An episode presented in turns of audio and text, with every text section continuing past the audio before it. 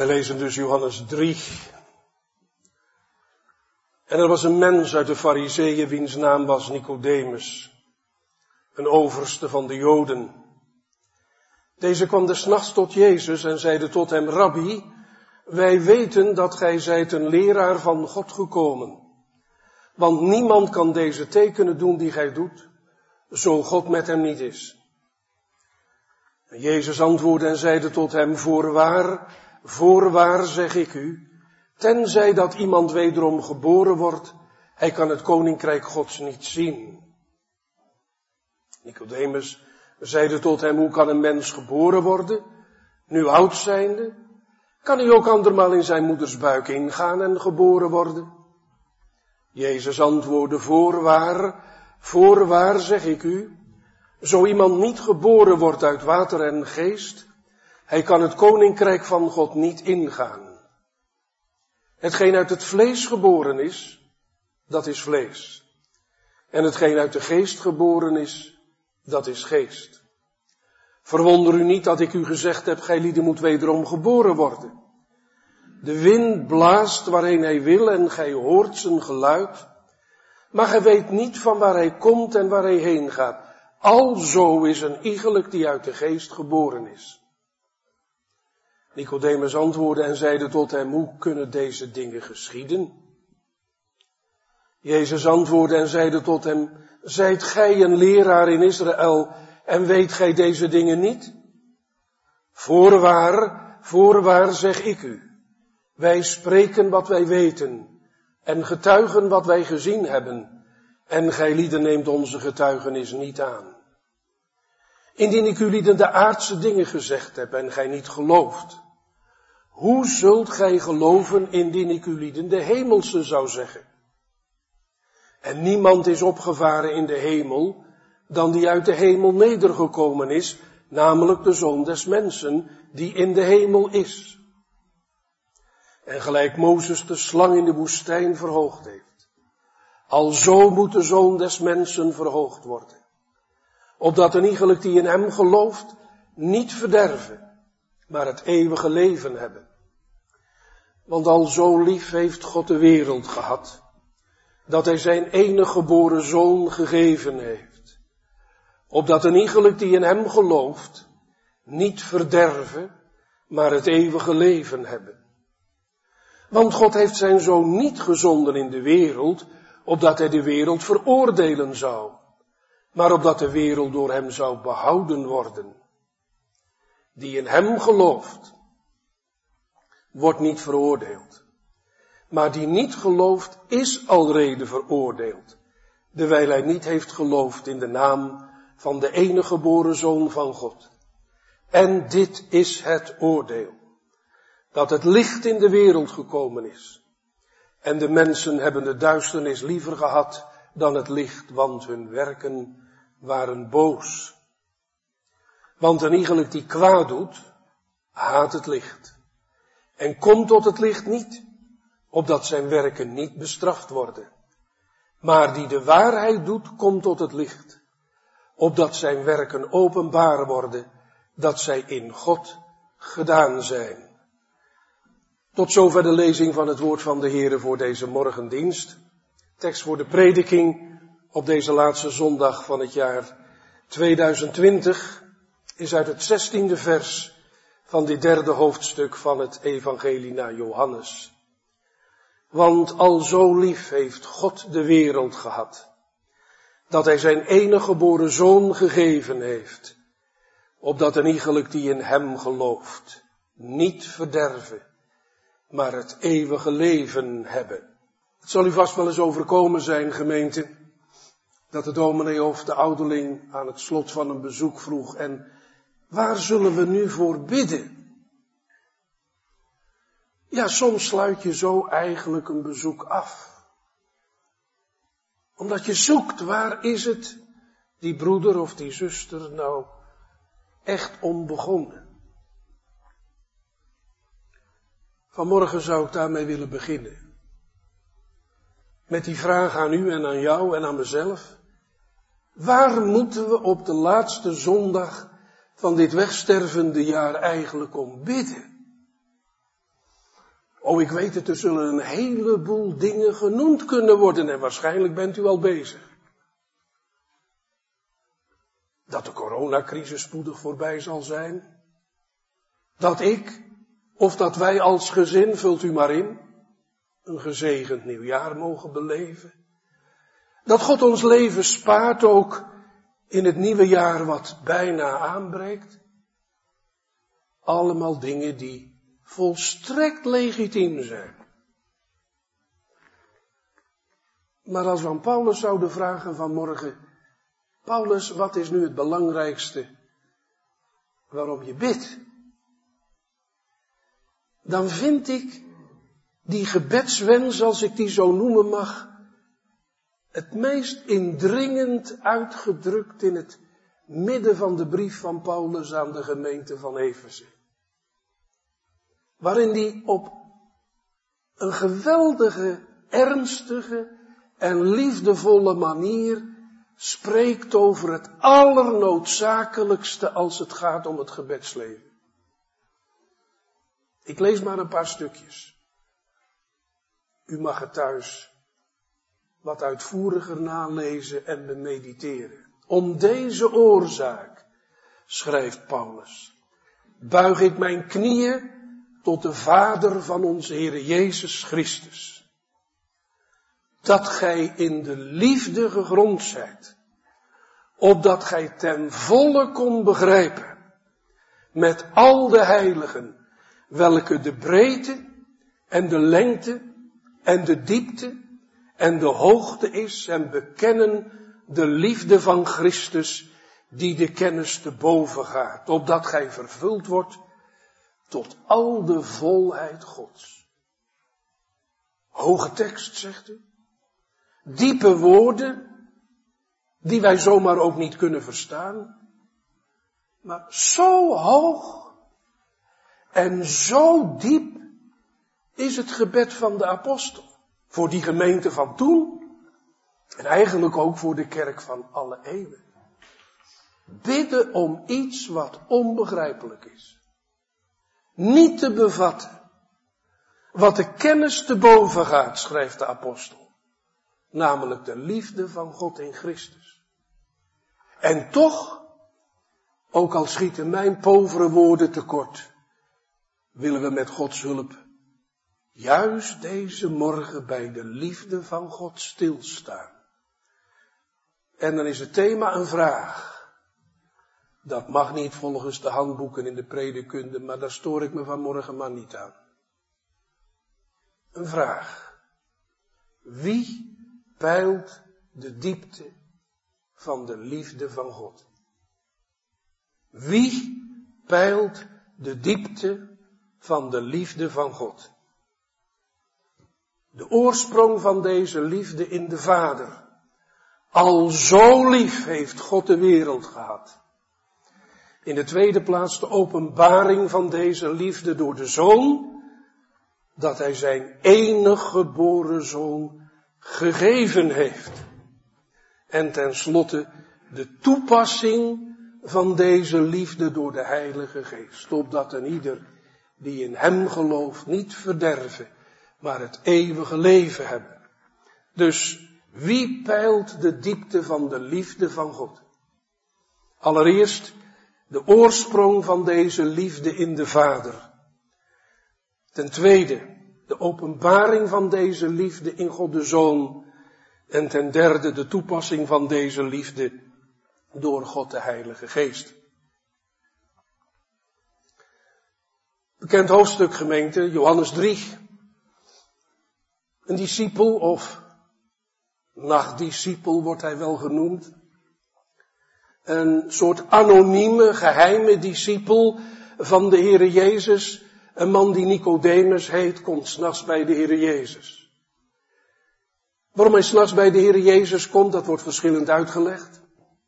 Sommigen zeggen het was in die tijd gewoonte dat rabbies elkaar opzochten juist om s'nachts te disputeren dan werden ze niet gestoord. Dat zou een rol gespeeld kunnen hebben. Maar ik denk dat de oude uitleg nog altijd staat. Namelijk dat Nicodemus zich toch wel wat ongemakkelijk voelde dat hij naar de Heer Jezus toe kwam. Want in deze vroege tijd van het optreden van de Heer Jezus was er toch al een, een aangevochten iets als je naar hem toe ging. Zeker als fariseer. Hoe dan ook, deze overste van de Joden, lid van het Sanhedrin, het hoogste Joodse rechtscollege in religieuze zaken, komt bij de Heer Jezus.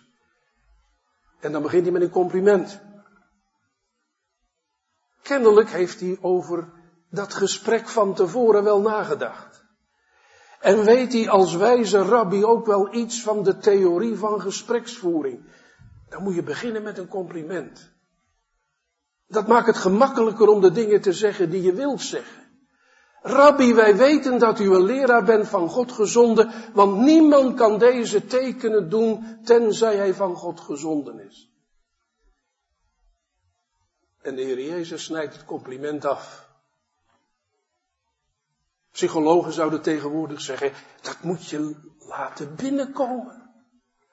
Daar moet je dank u wel voor zeggen. Geen valse bescheidenheid. Maar de Heer Jezus, mag ik het zo zeggen vanmorgen, de grootste psycholoog die ooit hier op aarde geleefd heeft, kenner van de ziel, snijdt het radicaal af. Met een plechtige verzekering, met een eedswering eigenlijk, voorwaar, voorwaar, amen, amen staat er in het Grieks. Tenzij iemand wederom geboren wordt, hij kan het koninkrijk Gods niet zien en even later, hij kan het koninkrijk Gods niet ingaan. Hij drukt die geleerde, achtenswaardige rabbi Nicodemus op het hart. Het ene nodige. Wedergeboorte. Geboorte van boven. Hartvernieuwende genade. Kijk, dat hebben we natuurlijk vandaag ook nodig. Hartvernieuwende genade. En weet u wat dan zo opmerkelijk is als, als de Heer Jezus over de wedergeboorte begint? Dan ontspint zich een gesprek, je mag ook zeggen, dan ontspint zich een prediking. Want op een gegeven moment werpt eh, Nicodemus niets meer tegen, maar luistert hij alleen maar. En dat gesprek, die prediking, gaat van de wedergeboorte naar de betekenis van de komst van de Heer Jezus Christus. Ja, daar zal al ons denken over de wedergeboorte uiteindelijk terecht moeten komen hoor. In de loop van de eeuwen is het soms gebeurd dat er zelfstandig over de wedergeboorte gesproken werd. Veronderstelde wedergeboorte, sluimerende wedergeboorte, wedergeboorte zonder Christuskennis, noemt u het allemaal maar op. Allerlei varianten. Geïsoleerd spreken over de wedergeboorte. Dat is in strijd met de prediking van de Heer Jezus. Want alle spreken over de hartvernieuwende genade moet heen sturen naar hem. Naar de slang die in de woestijn verhoogd werd. Waardoor ieder die daarop zag genezen werd. Naar die grote proclamatie van de liefde van God. Waarmee hij deze wereld heeft liefgehad. Opdat een ieder die in hem gelooft. Niet eeuwig verloren gaat. Maar het eeuwige leven hebben. Wat betekenen die woorden? Want dat is wel van belang dat we ze goed uitleggen. Al zo lief heeft God de wereld gehad. Leest u niet over dat allereerste woordje heen. Al zo. Dat is de diepte van Gods liefde. Waarvan Paulus zei, zoals we in het begin aanhaalden, die kun je niet nameten. De lengte niet en de breedte niet en de hoogte niet. Zo lief. Gods liefde niet te peilen, niet te meten, komt vooral uit in de zending van zijn zoon naar deze wereld. Wat is wereld? Niet meteen denken aan uitverkoren wereld. Zoals sommigen doen. Ik las van de week nog een preek. Al zo lief heeft God de uitverkoren wereld gehad. Nou, dan ben je klaar. Dan heb je ook weinig meer te verkondigen. Bovendien, het staat er niet. Ja, maar alleen de uitverkorenen worden toch zalig? Jazeker, en daar komen we ook op. Maar hier staat de wereld. Wat is de wereld? Dat is, zeker in onze tekst, allereerst de schepping. De kosmos staat er in het Grieks. De wereld is door God gemaakt. Het werk van zijn vingeren. Het werk van zijn handen. Alle dingen. De kleinste diertjes. De kleinste bacteriën. Alles door hem gemaakt. Niets is er in deze wereld wat niet door God gemaakt is. Ik weet niet of wij daar altijd voldoende bij stilstaan. Ik niet, denk ik. Maar God heeft alles met wijsheid gemaakt. Die prachtige lofzang in het eerste hoofdstuk van onze Bijbel. In den beginnen schiep God de hemel en de aarde. De kosmos. God heeft zijn schepping lief. Dat bedoelt de tekst allereerst. Maar ja, er is wel wat met die schepping gebeurd. Op Genesis 1 volgt Genesis 2 en Genesis 3. En dan lezen we hoe die schepping geruineerd is door de zonde van de mens. En Paulus geeft daar op een aangrijpende manier uiting aan in het achtste hoofdstuk van de brief aan de Romeinen. Het ganse schepsel, die hele kosmos, zucht onder de gevolgen van de zonde. Ziet rijkhalzend met verlangen uit naar de openbaring van de nieuwe mens, de nieuwe hemel en de nieuwe aarde. De schepping, de kosmos geruineerd omdat de zonde zijn intrede gedaan heeft. Zullen we dat nooit vergeten? Als we om ons heen kijken. Als we horen over natuurrampen en benauwenissen die zich op deze aarde voltrekken. Dat is niet een toeval. Dat zijn niet samengebalde natuurkrachten die een eigen leven leiden. Epidemieën, pestilentieën zoals de Bijbel ze noemt, komen niet zomaar over deze wereld. Het ligt alles onder het bestuur hoe moeilijk de vragen die daar reizen ook zijn. Het ligt alles onder het bestuur van de grote schepper van alle dingen. Maar ook al is die schepping, die kosmos, die wereld geruineerd, God heeft die wereld als schepping toch lief. Misschien mag ik dat duidelijk maken met een beeld. En dan komen we meteen bij het hart van onze tekst. De meeste van ons zullen de nachtwacht wel eens gezien hebben in het Rijksmuseum in Amsterdam. Het beroemdste schilderij van Rembrandt, of het zijn liefste schilderij was, dat weet ik niet. Maar in elk geval het meest beroemde schilderij. Stel u eens even voor en verplaats u eens even in die 17e eeuw, de eeuw waarin Rembrandt leefde, dat Rembrandt voor dat schilderij zou staan en naar zijn schepping tussen aanhalingstekens zou kijken. En ineens komt er een man met een groot mes, dat is ook gebeurd nog niet zo lang geleden. En die begint in dat schilderij te snijden en te hakken. Hij verruineert dat mooie schilderij. Wat denkt u? Zou Rembrandt dan niet meer van dat schilderij houden? Omdat een ander het geruineerd heeft? Hij zou maar één ding denken. Dit wil ik herstellen. Dit wil ik herstellen. Dat die scheuren en die kerven weggaan en dat het schilderij weer in zijn oude luister schittert. Het is een beeld. En elk beeld is een zwak beeld natuurlijk als het gaat over de Heer. Maar misschien voelt u iets mee van. God zag zijn schepping.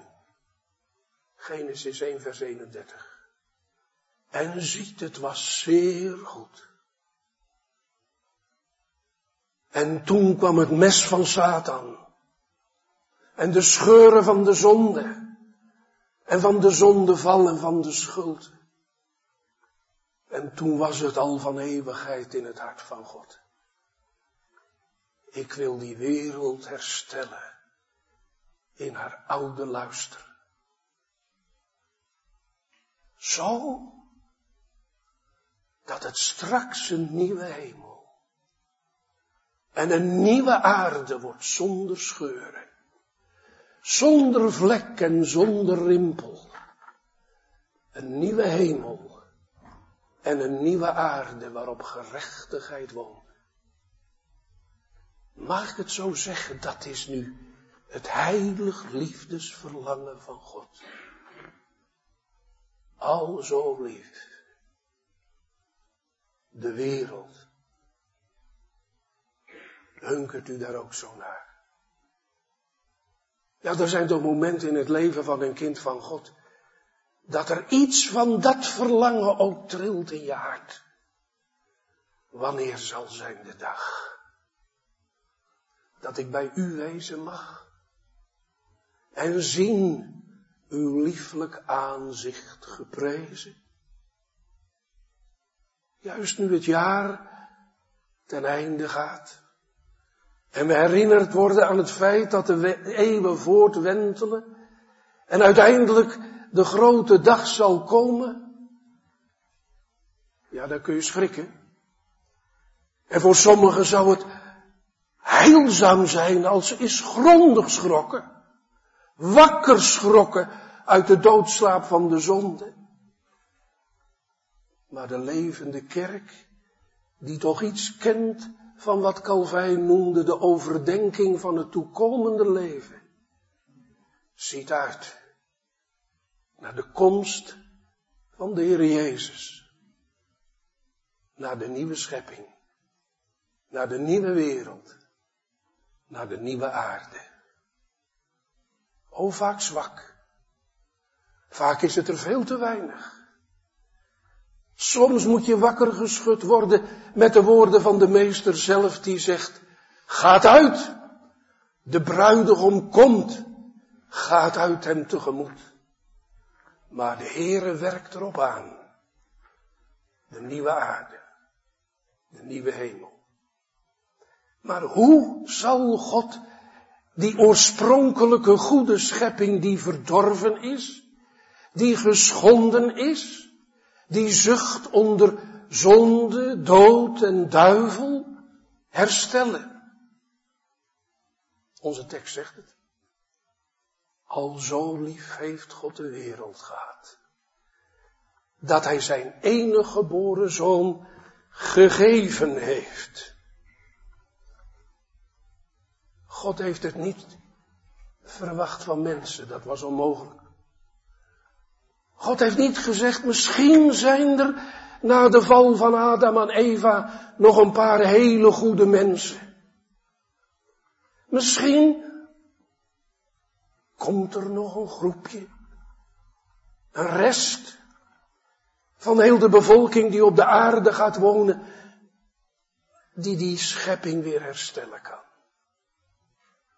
God heeft het niet verwacht van een fariseer zoals Nicodemus. God heeft het niet verwacht van een christelijk gereformeerde dominee of een christelijk gereformeerde broeder die beter is dan de massa om hem heen. God heeft het zelfs niet verwacht van een engel. Het redden van het verlorene is iets wat God niet heeft toevertrouwd aan een mens, aan een engel of aan een schepsel. Want hij wist dat die volstrekt zouden falen, omdat Adam en Eva al gefaald hadden en de duivel al van God was afgevallen. Hij heeft omgezien naar zijn eigen zoon. En dan gebruikt onze tekst dat diepe woord bijna niet in menselijke woorden te vertolken of te verklaren. Zijn enig geboren zoon. Enig geboren. Nee, dat moeten de kinderen en de jongelui goed begrijpen. Dat, dat slaat niet zozeer op de geboorte van de Heere Jezus in Bethlehem, waar we de afgelopen dagen bij hebben stilgestaan. Dat is natuurlijk een feit in de geschiedenis. Jezus in Bethlehem geboren en als kindje gelegd in de kribbe, aanbeden door de herders, opgezocht door de wijzen uit het oosten, al die bekende geschiedenissen rondom het kerstwonder voor de geboorte van de Heer Jezus in Bethlehem, heeft er in de eeuwigheid ook een geboorte plaatsgevonden. Ja, dat noemen we op grond van de Bijbel een geboorte. Maar dat moet u niet te letterlijk opvatten als een geboorte. De Vader heeft de Zoon van eeuwigheid, lang voordat deze wereld bestond, de vader heeft de zoon voortgebracht. Wat dat precies is, dat weten we niet.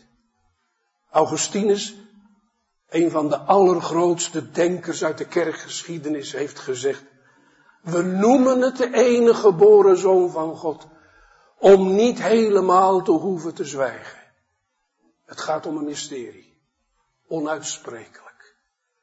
De Vader brengt in de eeuwigheid en van eeuwigheid de Zoon voort.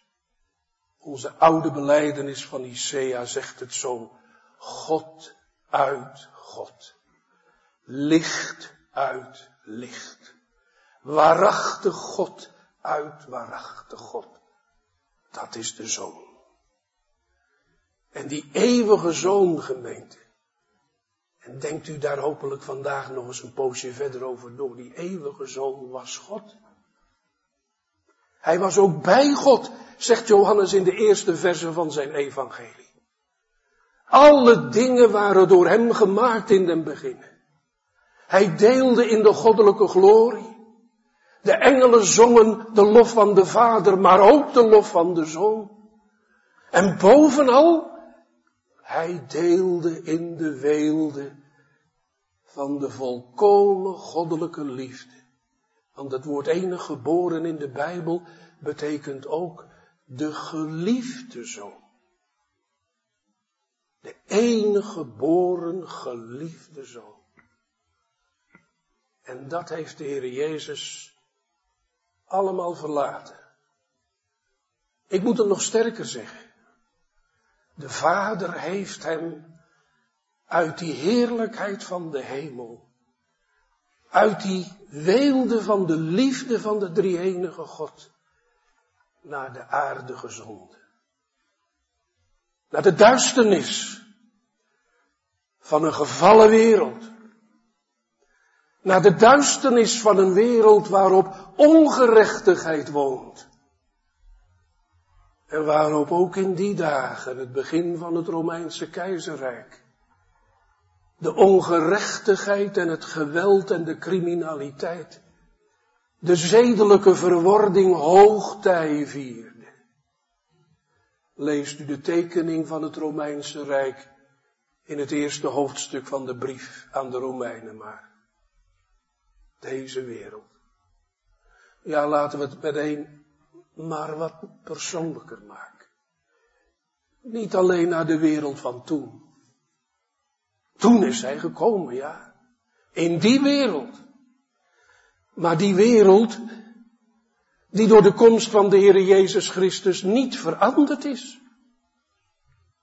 Hij heeft niet onmiddellijk zijn volmaakte koninkrijk gesticht op deze wereld. Die wereld is in de duisternis van de zonde gebleven. En de Heer Jezus is tijdens zijn aardse leven met alle mogelijke verlorene hoeren, tollenaars, allerlei soorten van mensen die in zonde leefden geconfronteerd. Hij heeft zelfs in de intieme kring van het gezin waar hij opgroeide de zonde ingeademd. Want ook al was Maria een godvrezende vrouw en Jozef ook zondige mensen. Zondige vader, zondige moeder, zondige broers, zondige zusters. Zondige speelkameraden in Nazareth. Overal, zegt professor Wisse ergens, ademde de enige geboren, de geliefde zoon van God, de pestwalm van de zonde in. Dat moet wel geweest zijn. Gegeven. Dat betekent in de taal van de Bijbel ook overgegeven. Dat staat ook letterlijk bij Paulus zo. De Vader heeft de Zoon overgegeven voor ons allen zegt Paulus namens de gelovigen in Rome. Overgegeven. En dan ziet u dat het geven van de zoon, zoals dat duidelijk werd en geopenbaard werd in de kribben van Bethlehem, dat staat niet los van de weg die de Heere Jezus na die tijd gaat. Dat staat niet los van het kruisen van de opstandingen van de hemelvaart, van heel de weg die de Heere Jezus ging door de woestijn van deze gevallen wereld. Zeker, de Bijbel maakt duidelijk dat elk heilsfeit, de geboorte, het leven, lijden, het sterven, zijn eigen plaats heeft. En zijn eigen betekenis heeft. Maar tegelijkertijd, het is een keten die aan elkaar gehaakt is. De kribbe staat niet los van het kruis. Het zal waarschijnlijk in deze dagen wel gezegd zijn. Luther heeft ooit gezegd dat het kruis gemaakt is van het hout van de kribbe. Nou, letterlijk klopt dat natuurlijk niet. Allereerst was de kribbe niet van hout, maar was een soort trog in de bodem uitgehakt. En bovendien, je kan van een, een kribbe uit de 16e eeuw niet zomaar een kruis maken. Maar inhoudelijk is natuurlijk wel waar. Er ligt een diepe verbindingslijn tussen de kribbe en het kruis van de Heer Jezus Christus. Want hij kwam om gegeven, om overgegeven te worden tot in de dood. Ja, de dood van het kruis. Als bij ons een kindje geboren wordt, dan denken we, en dan hopen we, en dan bidden we, wat zal hij nog mogen bereiken? En je kan soms naar je kinderen of naar je kleinkinderen kijken en zeggen, nou, een veelbelovende toekomst, niet? En tot op zekere hoogte mag dat ook. Je mag daarom bidden dat je kinderen en je kleinkinderen goed terechtkomen. En vooral omdat ze de Heere vrezen. Maar daar was bij de Heer Jezus geen sprake van. Hij kwam met als enige doel. Hij werd gegeven met als enige doel om te lijden en te sterven. Wat moet dat voor hem betekend hebben? Hij wist dat zijn uren zou komen. Het volle bewustzijn. Straks staat op Golgotha een kruis. Daar zal ik lijden sterven, bloeden, van God verlaten worden. En gemeente nog dieper misschien. Wat heeft dat betekend voor God de Vader? Dat Hij zijn Zoon gegeven heeft. Overgegeven heeft tot in de dood.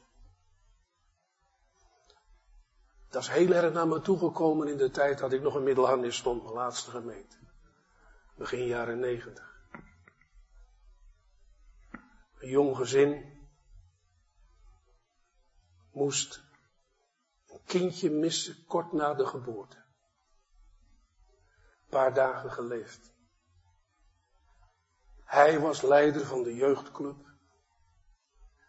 En bij de begrafenis stonden alle kinderen, ook mijn kinderen voor een deel, rondom het grafje. En de vader droeg het kistje. En legde het in de aarde.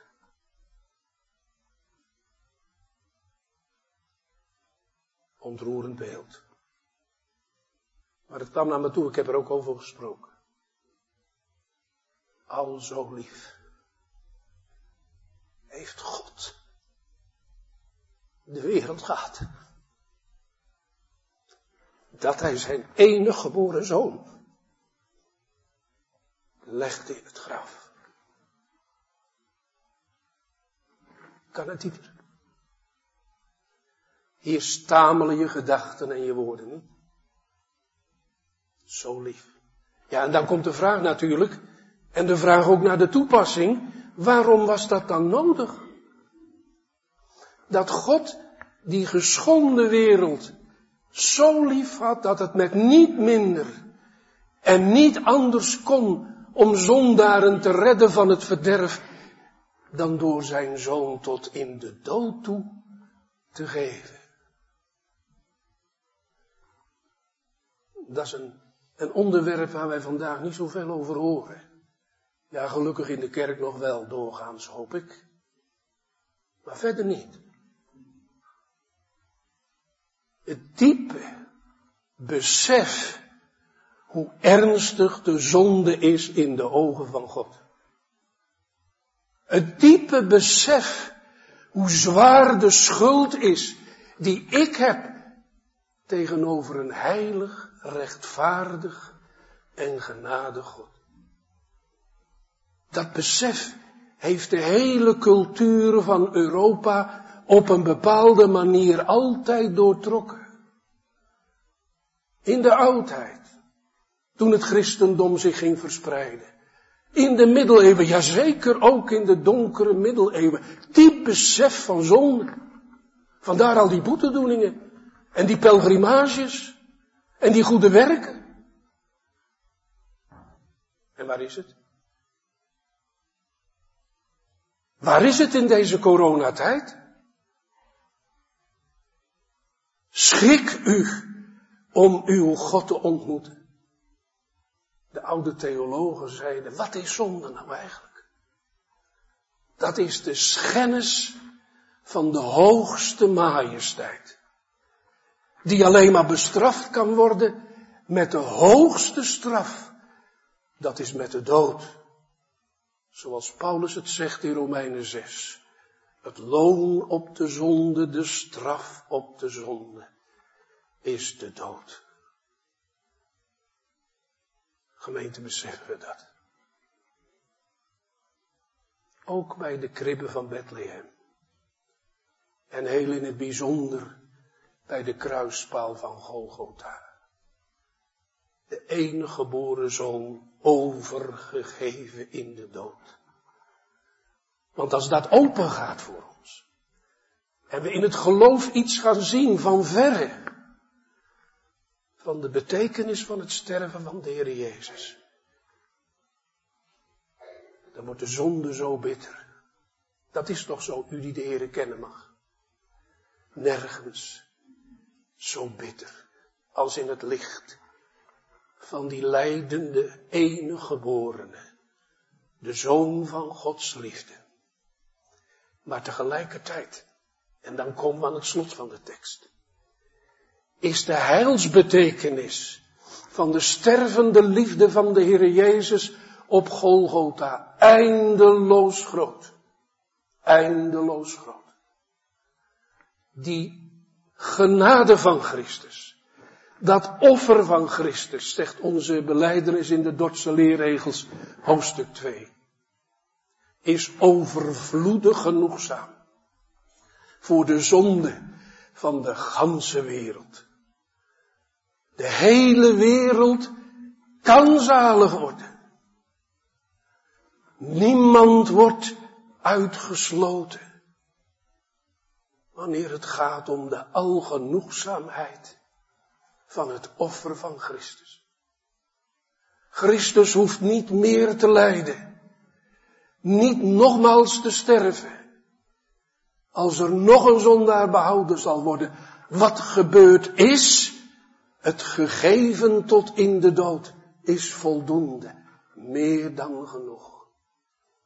Maar dan is het wel nodig dat wij leren wat het slot van onze tekst zegt, opdat een ieder die in hem, in die gekomen, gekruisigde, opgestane, ten hemel gevaren Christus gelooft, niet verderven, niet voor eeuwig verloren gaan, want dat is de kernbetekenis van die woorden. Maar het eeuwige leven hebben, geloven. Wat is geloof?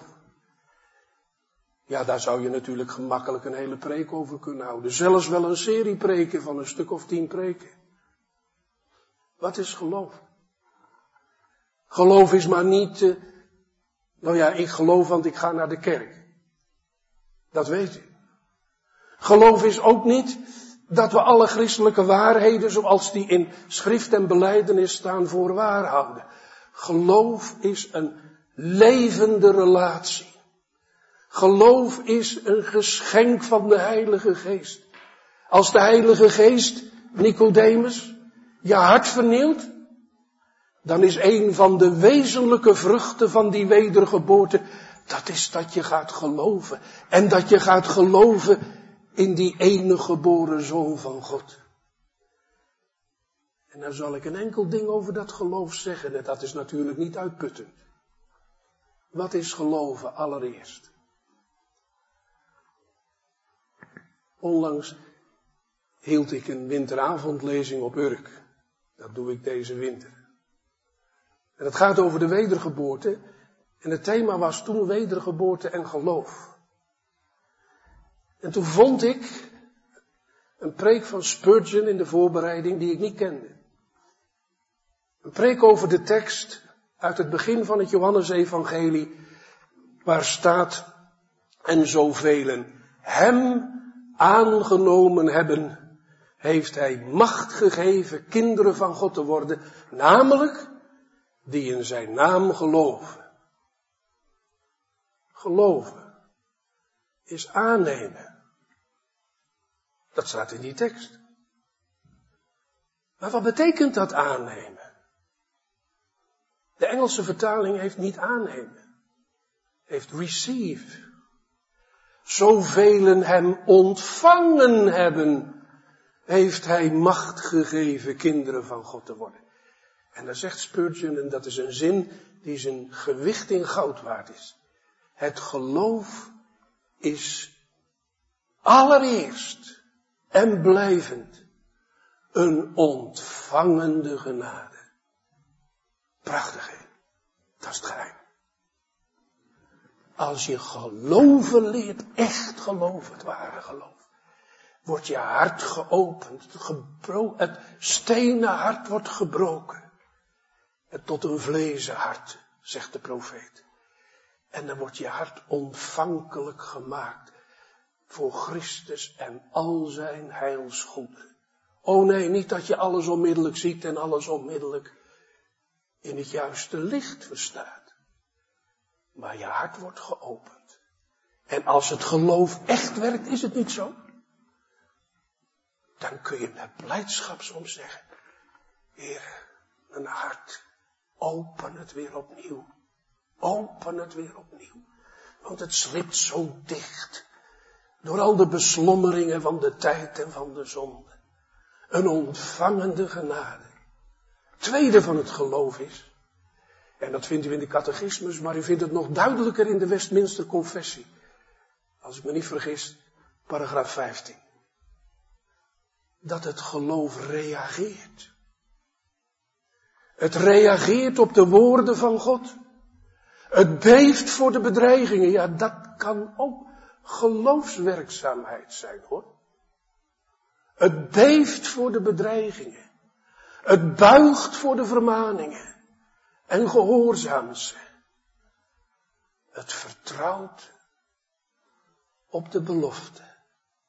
Het neemt de toevlucht tot de enige rots van het behoud. Maar het voornaamste werk van het geloof is dat het belofte omhelst die in Christus Jezus ja en amen zijn. Zijn mijn woorden, maar ongeveer wat de Westminster Confessie zegt. En er is de vraag natuurlijk. Kennen we iets van dat geloof? Is ons hart geopend? Hebben we de toevlucht genomen tot de Heer?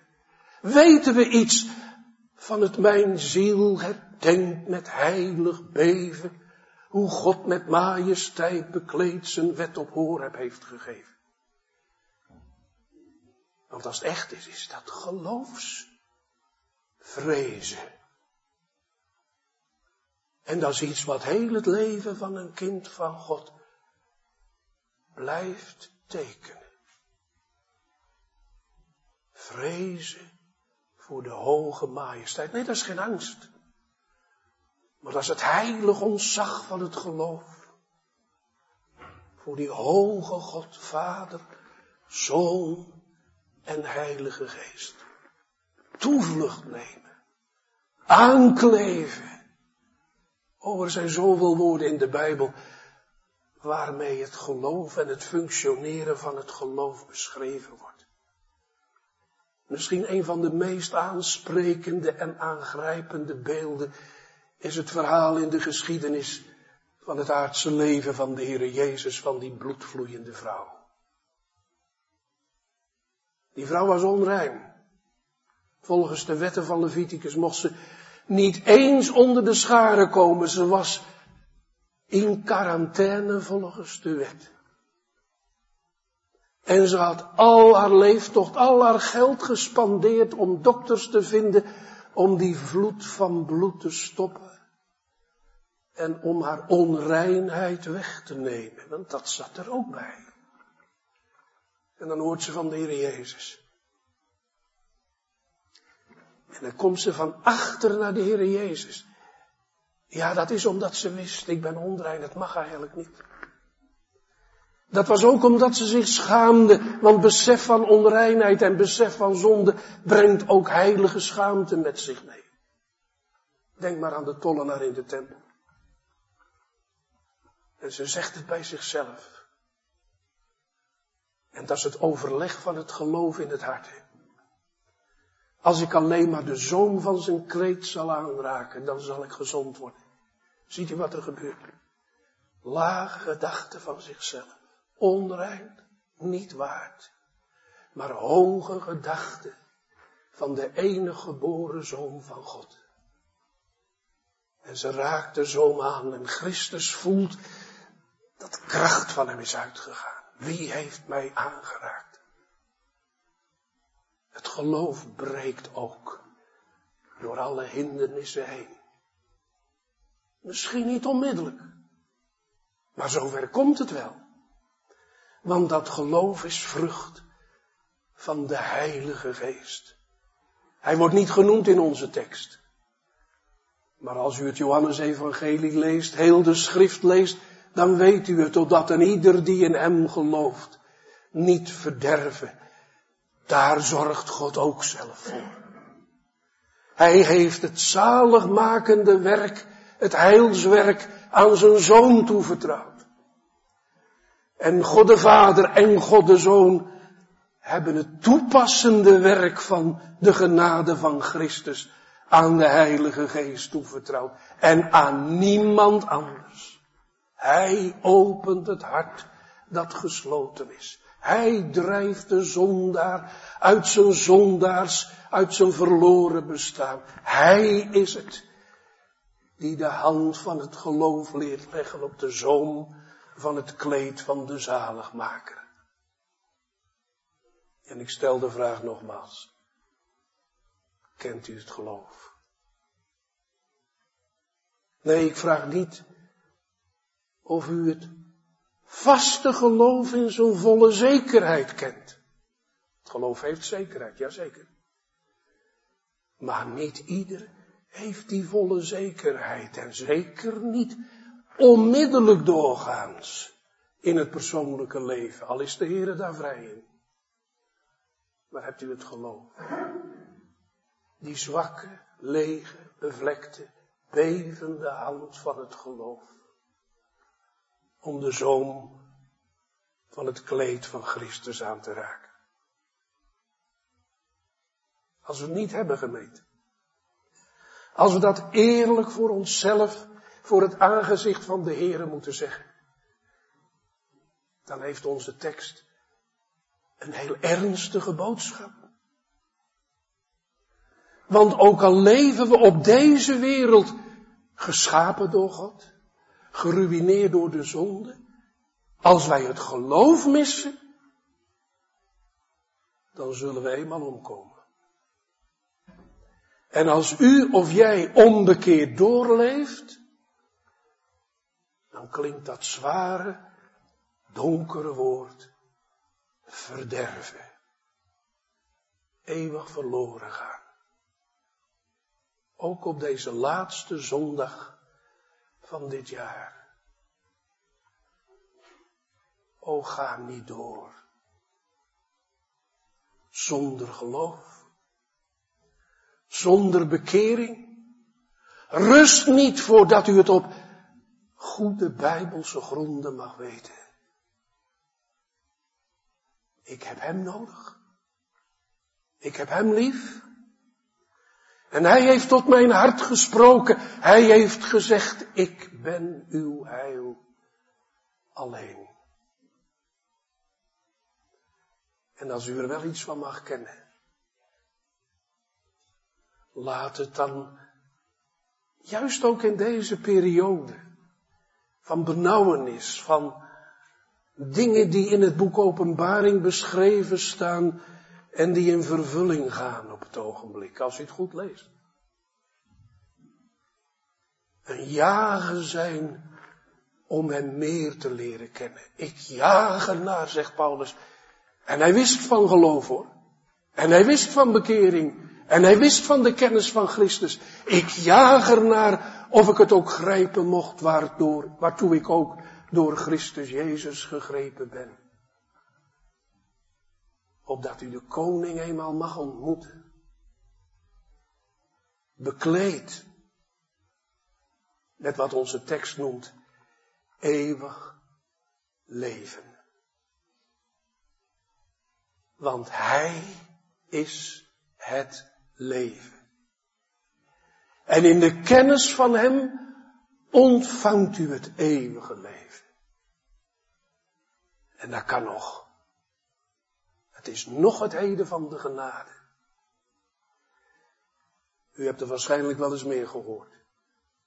Er is een prachtige geschiedenis uit het leven van Spurgeon rondom deze tekst. Spurgeon trok enorm veel mensen en die kleine kerk aan de New Park Street, die moest gesloten worden en aan een ander verkocht worden. Er werd een nieuwe tabernakel, een tabernakel gebouwd, een enorm kerkgebouw. En de mensen waren bezig om dat gebouw te maken en het was bijna klaar. En de dakbedekkers waren bezig om de dakstukken te hameren op het dak wat al gereed was. En de mensen die de leiding hadden vroegen naar Spurgeon, Spurgeon, de preekstoel is klaar of het platform is klaar. Wil je gaan staan en wil je iets roepen door de kerk heen, dan kunnen we horen of de akoestiek goed is. En Spurgeon gaat achter de katheder staan. En hij noemt onze tekst. Al zo lief. Op het dak zat een man te hameren. En het raam naast hem stond open en hij hoorde de tekst. Een atheïst. Een man die niet kon geloven en niet wilde geloven. En God breekt met dat woord zijn hartstuk.